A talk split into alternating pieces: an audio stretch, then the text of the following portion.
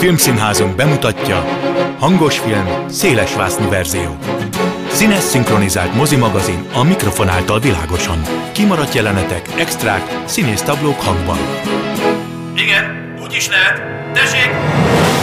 Hangos film, széles vásznú verzió. Jó napot kívánok a szerkesztő műsorvezető Tímár Ágnes köszönti Önöket. A mai adásban Graham Chapman születésének évfordulója kapcsán a művészre emlékezünk, és persze a Monty Python készítette filmek és tévéműsorok titkát kutatjuk, valamint tudományos megközelítésből vizsgáljuk az Én vagyok a te embered című új német filmet. Vágjunk bele! Timecode. Ma történt, csak régen. A vonalban Nagy István filmes szakíró van velem, szia! Hello!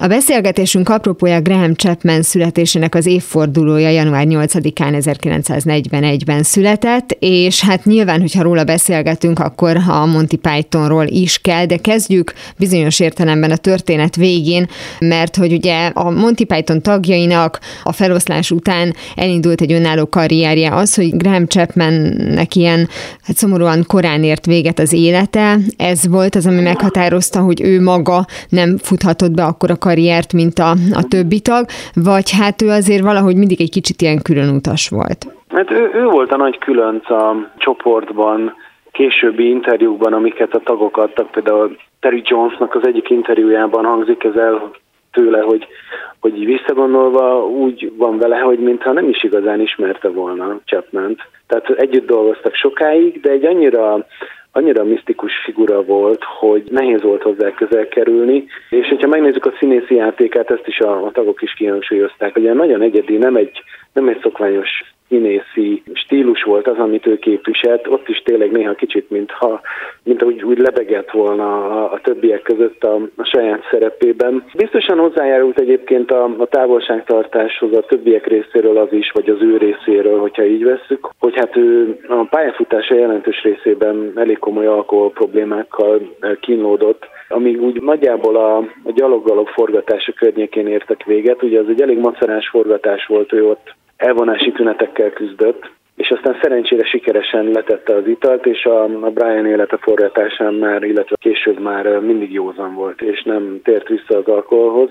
Az pedig, hogy ugye az időrövidsége neki kevesebb úgymond szólókarriert adott, ez, ez természetesen biztos benne van, tehát nem tudhatjuk, hogy ő még milyen, milyen egyéb dolgot csinált volna, de azért, hogyha ha nagyon megnézzük, azért Monty Pythonnak egyéb tagjai is vannak, akik annyira nem sok minden nagyon jelentőset csináltak a feloszlás után, tehát Eric Idle nyilván voltak filmszerepei, musical projektjei, amikkel hát köztudatban maradt, vagy mondjuk Terry Jones rendezett filmeket, amik nem feltétlenül ugye abszolút vígjátékok voltak, csinált olyat is, mondjuk az Erika Viking az olyan volt, de az már sajnos nem közelítette meg a, a Monty Python színvonalat, Szóval valószínűleg John Cleese meg Michael Palin az, illetve Terry Gilliam filmrendezőként, akikre azt mondjuk, hogy hogy ők úgymond szólóban is nagy dolgokat véghez tudtak vinni, meg sikeresek és népszerűek maradtak, a többiek egy picit kevésbé. Úgy mondtad, hogy volt egy olyan jellegzetes színészi stílusa, ami egy kicsit hát elütött a, a többiektől. Most, ha úgy megnézzük a csoportot, akkor mindenkinek megvolt az a maga jellegzetes stílusa, amitől nem feltétlenül tudott volna betagozódni az akkori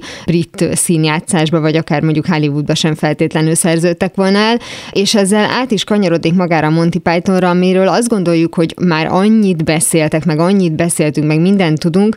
A titkot persze továbbra sem tudjuk feltétlenül megfejteni, hogy itt azért hat nagyon különböző, de bizonyos szempontból mégis valamiféle egy módon gondolkodó emberről lehet szó, különben nem találhattak volna egymásra, vagy valahol azért mégiscsak kódolva volt az, hogy ennek hamar lesz vége, mert bármilyen sok jó munkát tettek le, ez nem volt egy hosszú életű együttműködés. Időben talán nem volt olyan hosszú, de ilyen szempontból is kicsit hasonlít a Beatlesre az ő karrierjük, hogy viszonylag rövid idő alatt csináltak sok mindent, tehát ugye volt 45 TV epizód, ugye a repülőcirkusz, nagyon rövid idő alatt, aztán volt három mozifilm, és akkor ezen kívül voltak könyvek, turnék, lemezek. Tehát azért belehúztak ők rendesen. Ami pedig egy picit én visszakanyarodnék a színészi képességekhez és alakításokhoz, én azt azért nagyon fontosnak tartom kiemelni velük kapcsolatban, hogy ők, ők mindannyian nem csak nagyon jó komikusok voltak, hanem nagyon jó színészek is. Szerintem ez egy komikusnál ez egy nagyon fontos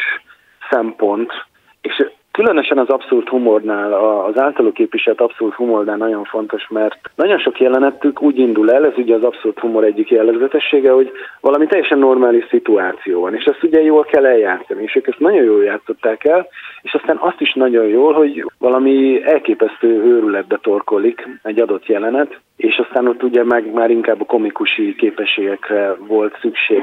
És Chapmanre is még egy picit visszakanyarodva, attól függetlenül, hogy valami, valami fura különleges entitás volt ő a, a csapatban, azért nem véletlen, hogy a három mozifilmikből kettőben ő volt a főszereplő, ugye egy gyaloggalapban ő volt Arthur király, a Brian életében pedig Brian, és az, az Életértelme című filmet csak azért nem ő volt a főszereplő, mert ott nem volt főszerep. Tehát neki, neki volt egy kisugázása, ami lehetővé tette azt, hogy, hogy ő elcsípje ezeket a főszerepeket. John Cleese nagyon lobbizott a Brian élete előkészítése során, hogy ő lehessen Brian, de aztán a többiek úgy voltak vele, hogy, hogy Chapman azért mégiscsak jobb, úgyhogy ő kénytelen volt a engedni, és, és szerintem ez mindenképp jó döntés volt, hogy, hogy aztán ő ugye a Reg nevű karaktert játszotta, plusz egy-két kisebb szerepet még, mert ez is a Pythonéknál egy bevett szokás volt, ugye megnézzük a mozifilmjeiket, az egy dolog, hogy például mondjuk Chapman Arthur király volt a gyaloggalobban, de azon kívül is eljátszott még szerepeket, tehát rengeteg mindenkit ők játszottak a filmjeikben. És hogy kiemelted, hogy nem mellékes az, hogy jó színészek voltak, ugye az sem mellékes, hogy maguk írták meg a jeleneteket, tehát hogy együtt közösen kellett ezen gondolkodni. Ugye erről is sokat lehetett olvasni, hogy párokba, vagy a csoporton belül is csoportokba rendeződtek a közösen vagy hasonlóan gondolkodók, és így jöhettek létre még ugye a, a tévés produkcióknál az egyes jelenetek. Igen, általában úgy voltam az első időszakban, hogy hogy volt a Chapman Cleese szerzőpáros, illetve a Jones Palin kettős. Aztán ez fokozatosan változott az idők során, mert Cleese-nek kicsit elege lett abból, hogy, hogy Chapman egyrészt ugye az alkoholizmusa miatt egyre kevésbé vett részt kreatívan a, komponálásban, hanem ugye forgatókönyvírásban vagy jelenetírásban. Másrészt pedig, amikor elkezdett egy picit Pélénnel együtt dolgozni, Cleese, akkor rájött, hogy hát vele tök jó dolgozni, tök jó lehet vele írni, úgyhogy, úgyhogy úgy át kacsingatott és kicsit felrobbantotta azt a másik párost. Ami, ami pedig ugye többieket illeti Eric Idle általában egyedül írogatott jeleneteket, William pedig ugye az animációs betétekért felelt, és aztán ez úgy volt mindig, hogy dolgoztak ezek a párosok, vagy, vagy akár egy-egy szerző külön-külön, és akkor mindig csináltak közös sessioneket, ahol bedobták az ötleteket, és ugye az volt mindig a fokmérő, hogy röhögnek el többiek, és hogyha, hogyha röhögnek, akkor, akkor jó az az ötlet, az, az bekerül a műsorba. Ugye az egyetemi közeg után, amikor már elindult a tévés karrier, hát ott már eleve kellett egyfajta bizalmat szavazni a BBC-nek nekik, hogy hát szó szerint most valami egészen más következik, de mennyire volt nyitott erre az akkori közönség, akár mondjuk az Egyesült Királyságban, vagy néhány évvel később az egész világon? Hát ennek a, ennek a humornak azért már voltak hagyományai. Egy időben a Filmmúzeumon lehetett elcsípni a Python tagok korábbi próbálkozásait. Ugye 69-ben indult a repülő cirkusz, ők maguk is 69 eleje fele alakultak, de előtte már a 60-as évek során ismerték egymást, vagy legalábbis voltak olyan, olyan kapcsolódások közöttük, amelyek már dolgoztak különböző hát humor műsorokban a BBC-nél, meg egyéb területeken, és aztán valahogy úgy alakult, hogy, hogy összeszedték ezt a hat embert, mint mondjuk egy, mint mondjuk egy zenei együttest, és akkor onnantól együtt dolgoztak tovább. Tehát, tehát volt azért ennek már előzménye, és nem csak a saját jeleneteik révén, hanem ugye ott voltak olyan komikusok Nagy-Britanniában, mint Dudley Moore, vagy vagy Spike Milligan, vagy Peter Sellers, akik belekóstoltak már az abszolút humor műfajába, és nem volt ez ismeretlen a közönség számára, amit a Pythonék, amin ők mindenképp változtatni akartak, az az volt, hogy, hogy a csattanók, tehát hogy a jelenetek végi csattanókkal volt gondjuk, rengeteg olyan jelenetet láttak ők, az előbb általam is említett humoristáktól, komikusoktól, amiket elrontott az, hogy volt egy kényszerű csattanó a végén, és, és ez sokszor lerontott őket, mert az gyengére sikerült. És ők úgy voltak vele, hogy ők ilyet nem akarnak, hanem inkább egybefűzik a jeleneteiket, és közben zajlik a bohóckodás. És hogyha nagy ritkán volt a, a, például a repülőcirkuszban csattanó, annak mindig valami szatirikus kihangsúlyozott jellege volt például az éttermi jelenetben, amikor direkt kísérek, hogy és most következzen a csattanó. És akkor ez így ennek az egész műfajnak a kifigurázása lett, de egyébként tényleg, hogyha belegondolunk, az ugye a szeszélyes évszakokban is egy eléggé borzasztó húzás volt mindig, hogy kell valami csattana, és akkor az valami rettenetes befejezés. Az, hogy elkészülhettek a filmek, és az már valahol egy kicsit a feloszlás környékén volt, hiszen ha jól tudom, ugye John Cleese már előbb szállt ki a bandából, mint hogy neki láttak a filmes munkának, azért annak mégiscsak az volt az oka, hogy addigra már akár világviszonylatban is ez a hat figura olyan érdekes volt, hogy tudták, hogy el lehet adni, vagy pedig annyi megírt anyaguk volt, hogy úgy gondolták, hogy ez mozifilmekre is elég. Kicsit elfáradtak ők ebben a televíziós munkában. Ugye Cleese úgy volt vele, hogy a harmadik évad, tehát a repülő cirkusznak a harmadik évada már nem sikerült szerinte olyan jól, nagyon önismétlő lett az első és a második után. Én ebben egyébként abszolút nem értek egyet vele, nekem a harmadik évad a kedvencem. De úgy volt vele, hogy hát hogyha nem is száll ki, de, de egy negyedik évadot már nem akar vállalni. És akkor azt mondta, hogy ő most egy kis szünetet tart, és elment, és megcsinálta a vacakszállót. És még a vacakszálló az szerintem a, az úgymond Python szóló életműben, ami, ami szerintem abszolút megközelítette ezt a színvonalat, tehát az szerintem egy szenzációs dolog.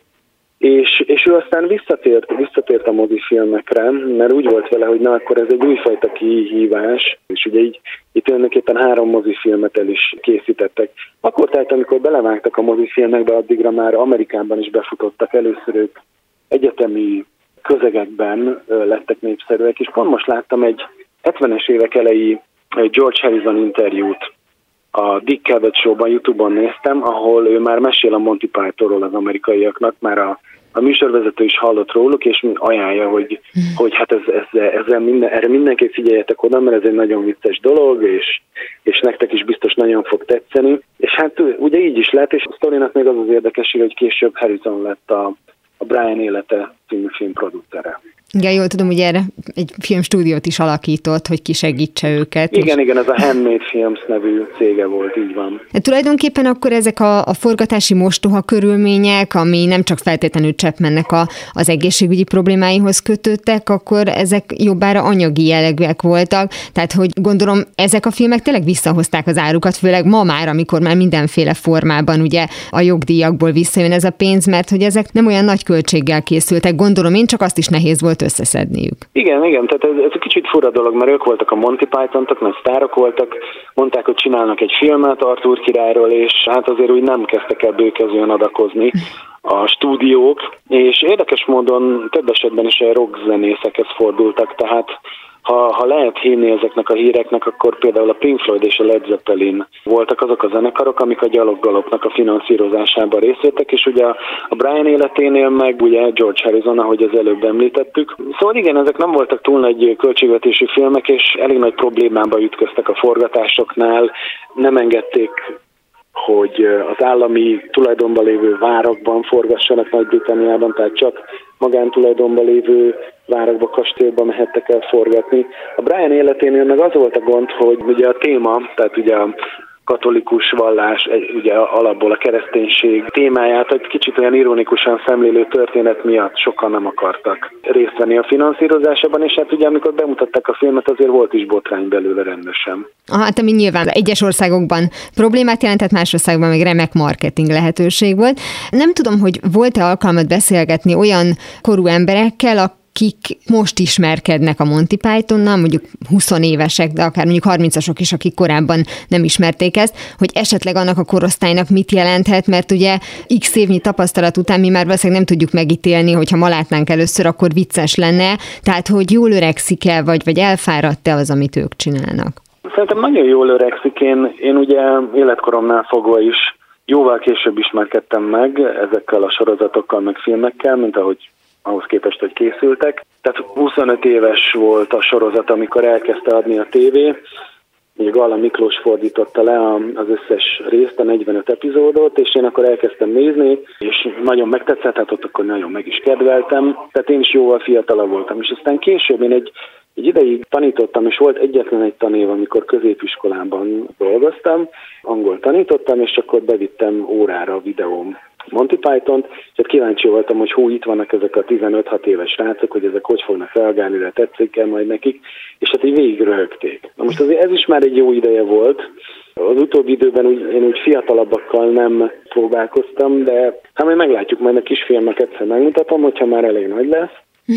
Hozzá, hogy azért úgy értse ezeket a dolgokat, és hát remélem, hogy tetszeni fog neki. Ő lesz a, a tesztközönség. Említetted, hogy például mondjuk egyes jelenetek teljesen normális közegből indulnak, aztán ugye átfordul az abszurditás irányába, és emlékszem, hogy volt egy jelenet, amikor régészek munkáját látjuk, ami még ugye tök normális, aztán elkezdenek egyszer csak énekelni, és musical lesz belőle, és hogy ezen nyilván jót nevettünk mondjuk 10-15 éve, ma meg amikor már mondjuk Tesla életéből is musical készül, aminek a tényén is már én, én legalábbis mosolygok, akkor azt gondolom, hogy van egy-két dolog, amit valószínűleg nem fognak érteni az emberek, hogy ebben mi a vicces, hiszen azóta már megtörtént, de hát én remélem, hogy ez csak az ilyen marginális példák egyike az ő munkáikból. Igen, és ez, a, ez az elmusicalesedés, ez magát a Python-t is utolérte öregkorában. Ugye volt nekik néhány évvel ezelőtt egy újra összeállásuk, amikor kb. tízszer egymás után felléptek a, a londoni O2 arénában, és ebből készült egy, egy film is, ami, ami limitált ideig volt nálunk a moziban, és hát egyrészt, egyrészt nem állt jól nekik az, hogy 71 néhány évesen ott bóckodják a régi jeleneteiket, másrészt pedig, hogy az egészet feldobják, telerakták mindenféle musical betétekkel a fellépésüket, ami szerintem abszolút nem passzolt oda jól. Megvoltak náluk korábban is már az ilyesmi dolgok, ahogy említettette is a régészeti körképet, vagy Hát ugye az élet értelmében ott is csomó dal elhangzik, a filmekben több dal is volt, de ott, ott szerintem kifejezetten, kifejezetten zavaró volt. Úgyhogy igen, tehát ez, ez a része egy, egy kicsit talán neccesebb, de rengeteg minden van egyéb dolog a, ebben a sok epizódban, meg filmben, ami, ami szerintem annyira örökérvényű, tehát olyan, olyan dolgokat kezdtek el kifigurázni, amik ugye hétköznapi életnek a jellegzetességei, amikkel korábban az emberek annyira nem foglalkoztak ugye a humorban, és ők megelőzték az idejüket, és az, hogy, hogy még mindig rögünk ezeken, tehát igazából Szerintem ez azt jelenti, hogy, hogy ez egy eléggé időtlen dolog. Most mondok egy példát, pont pár napja gondoltam bele abban a jelenetben, ami, ami kicsit ilyen Oscar díj kiosztás paródia, vagy ugye van a BAFTA, hogyha vegyük ugye a briteket, mert a Python csoport ugye brit volt, kicsit mintha a BAFTA díjkiosztót parodizálnák ki, Eric Idle játszik egy rendkívül túlságosan érzelmes, nyálas, meghatódott konferenciét, és folyamatosan egyre abszurdabb eszközökhöz nyúl azért, hogy ő meghatódottnak látszon, hagymát rak, meg fokhagymát rak a szeme elé, meg belecsöppent egy ilyen csöppentővel, aztán a végén pedig az, az van, hogy felszerel a hátára egy öntöző szerkezetet, ami, ami iszonyat látványosan nyomatja egy pumpán keresztül a szemébe a, a vizet, hogy úgy látszódjon, hogy ő sír, és már ezerszer láttam ezt a jelenetet, és már csak belevillant az agyamba, és elkezdtem rögni, és ott körülöttem mindenki jött, nézett, hogy nekem mi baj van. Mondom, csak eszembe jutott egy Monty Python jelenet.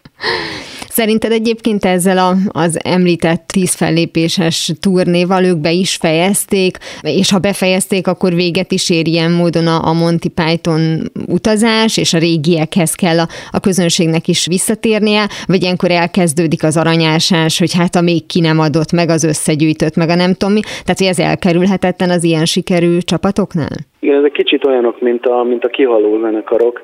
Ugye azóta már Terry Jones is meghalt, tehát mm. már csak négyen élnek a, a tagok közül, és hát ez egy kicsit később derült ki, hogy, hogy Jones már akkor sem volt igazán jól, amikor ezeket a felvételeket csinálták, és úgy voltak vele, hogy amíg még nincs annyira nagyon rosszul, addig gyorsan próbáljuk meg ezeket megcsinálni, és akkor így azért sikerült is valamennyire ezt úgy, úgy tető alá hozni, úgyhogy hogy ne legyen látványos az, hogy, hogy egyikük már kicsit nincs annyira képben, és ugye ő, hát mikor egy másfél-két évvel ezelőtt meg is halt, és ott van például John Cleese, aki már 80 felett van, és hirdetgeti úgy a, a turnéját, hogy, hogy ez az utolsó alkalom, hogy megnézhettek mielőtt, mielőtt meghalok, tehát ugye ez is a, az ő, hogy is mondja, makasztófa humorának a része.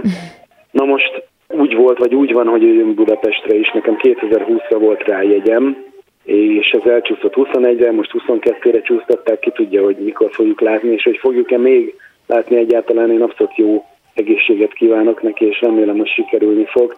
De valószínű, hogy ez már így a, tényleg kicsit, ahogy mondtad, a kiárusításnak a kora. Nem tudom, hogy miket tudnának még előásni.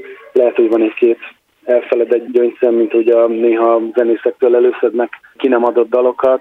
De igazából szerintem a, a lényeg, amit ők alkottak, az, a, az, ami már megismerkedtünk. Nagyon szépen köszönöm Nagy István filmes szakírónak, hogy beszélgetett velem Graham Chapman születése évfordulóján, hát magáról Graham Chapmanről és természetesen a Monty Pythonról is. Köszönöm szépen, hogy mindezeket elmondtad. Én is köszönöm, szia! Audio kommentár. A kameraforgás irányának követése. A vonalban Pap Petra Anna, tudománytechnológiai újságíró van velem, szia! Szia! Az Én vagyok a te embered című filmről beszélgetünk, és felmerülhet a hallgatóban a kérdés, hogy akkor miért egy tudománytechnológiai újságíróval beszélgetek, ugye nagyon egyszerű a válasz, mert hogy a történetben egy robot főszereplőnk van, és az ő hát emberi érzéseivel is foglalkozunk. Mennyire tartottad magát a témát unikálisnak, hiszen azért ezzel szok tudtak foglalkozni filmesek, hogy a, a robotokkal hogyan tud kooperálni az ember. Egyébként szerelmi történeteket is nyilván láttunk már. Ez a film ez elsősorban mire akar fókuszálni? Igen, elég sok film, könyv és a popkultúra minden területén foglalkozik ezzel az ember-gép együttéléssel a 70 és 80-as évek óta.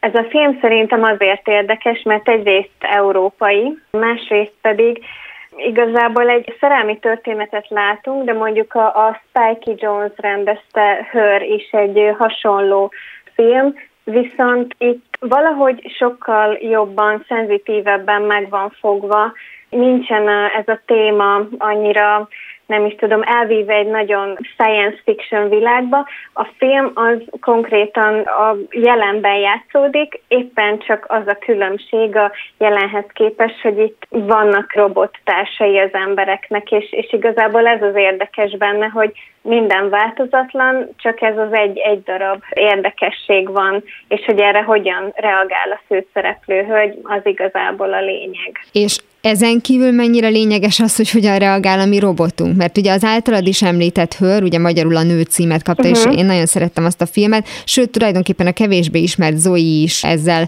foglalkozott uh-huh. McGregorral, hogy a robot részéről is látunk bizonyos szándékokat ebben a filmben. Igen, a robot igazából százszerzalékosan a főszereplő hölgynek, az almának az ideális férfia. Egyrészt ő is megpróbál megfelelni az almának, annak a, az igényének, hogy legyen emberi, és közben a alma is próbál idomulni a robothoz. Lényegében ebből a szempontból egy klasszikus romantikus film, amikor van két olyan személy, aki nem feltétlenül illik össze, és megpróbálnak összekovácsolódni, viszont köztük ugye ott van egy hatalmas szakadék, hogy, hogy az egyikük lényegében nem egy ember, és a női főszereplőre hárul az, hogy ezt megpróbálja kezelni. Nekem valamennyire azért a dominancia kérdése is felmerült ebben a történetben. Nem tudom, hogy a film az mennyire kívánt szerinted ezzel foglalkozni, hiszen itt azért mégiscsak arról van szó, hogy egy párnak a két tagja hogyan alkalmazkodik egymáshoz azért, hogy ez egy működő kapcsolat legyen, és itt ugyanez a kérdés, hogy kinek mennyit kell feladni a személyiségéből, illetve ebben az esetben létre is hozni egy személyiséget, hogy abból még feladhassunk valamit. Szóval, hogy ilyenkor felmerül az, hogy ki az, aki egyszerűen szólva értékesebb? Ez nagy dilemmánk most.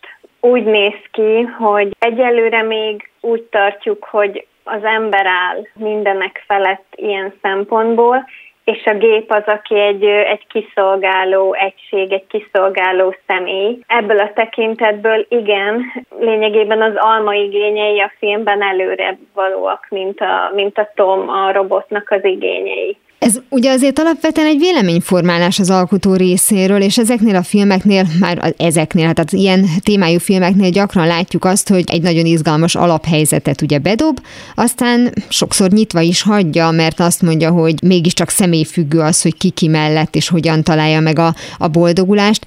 Ez már ezen túl, hogy ugye véleményt formál az értékrendet ítélve, végül jut ő valamire, hogy ez az irány jó-e, ahova mondjuk a film béli időszak tart, hogy mi most jó helyen vagyunk-e. Tehát, hogy akar-e valamiféle képet mutatni arról a világról, amiben élünk, ami majd azzá válik, amit ez a film mutat. Igen, nagyon konkrétan. Szerintem egy nagyon sarkalatos vélemény van benne megfogalmazva de akár már azzal is, amin keresztül megy a főszereplő, a vívódásai, a hullámvölgyei, a megpróbálja megkedvelni, nem megy, de azért mégis, de nem megy. Ezek végig kísérik a filmet, és aztán konkrétan állást foglal ezzel kapcsolatban. A Tomot, a robotot játszó Dan stevens a legtöbben talán a Downton Abbey-ből ismerhetik, de uh-huh. hát mhm. nagyon sok brit sorozatban, brit filmben, sőt most már ugye amerikai produkciókban is játszott egy tehetséges fiatal művész, és valószínűleg itt neki jutott azért a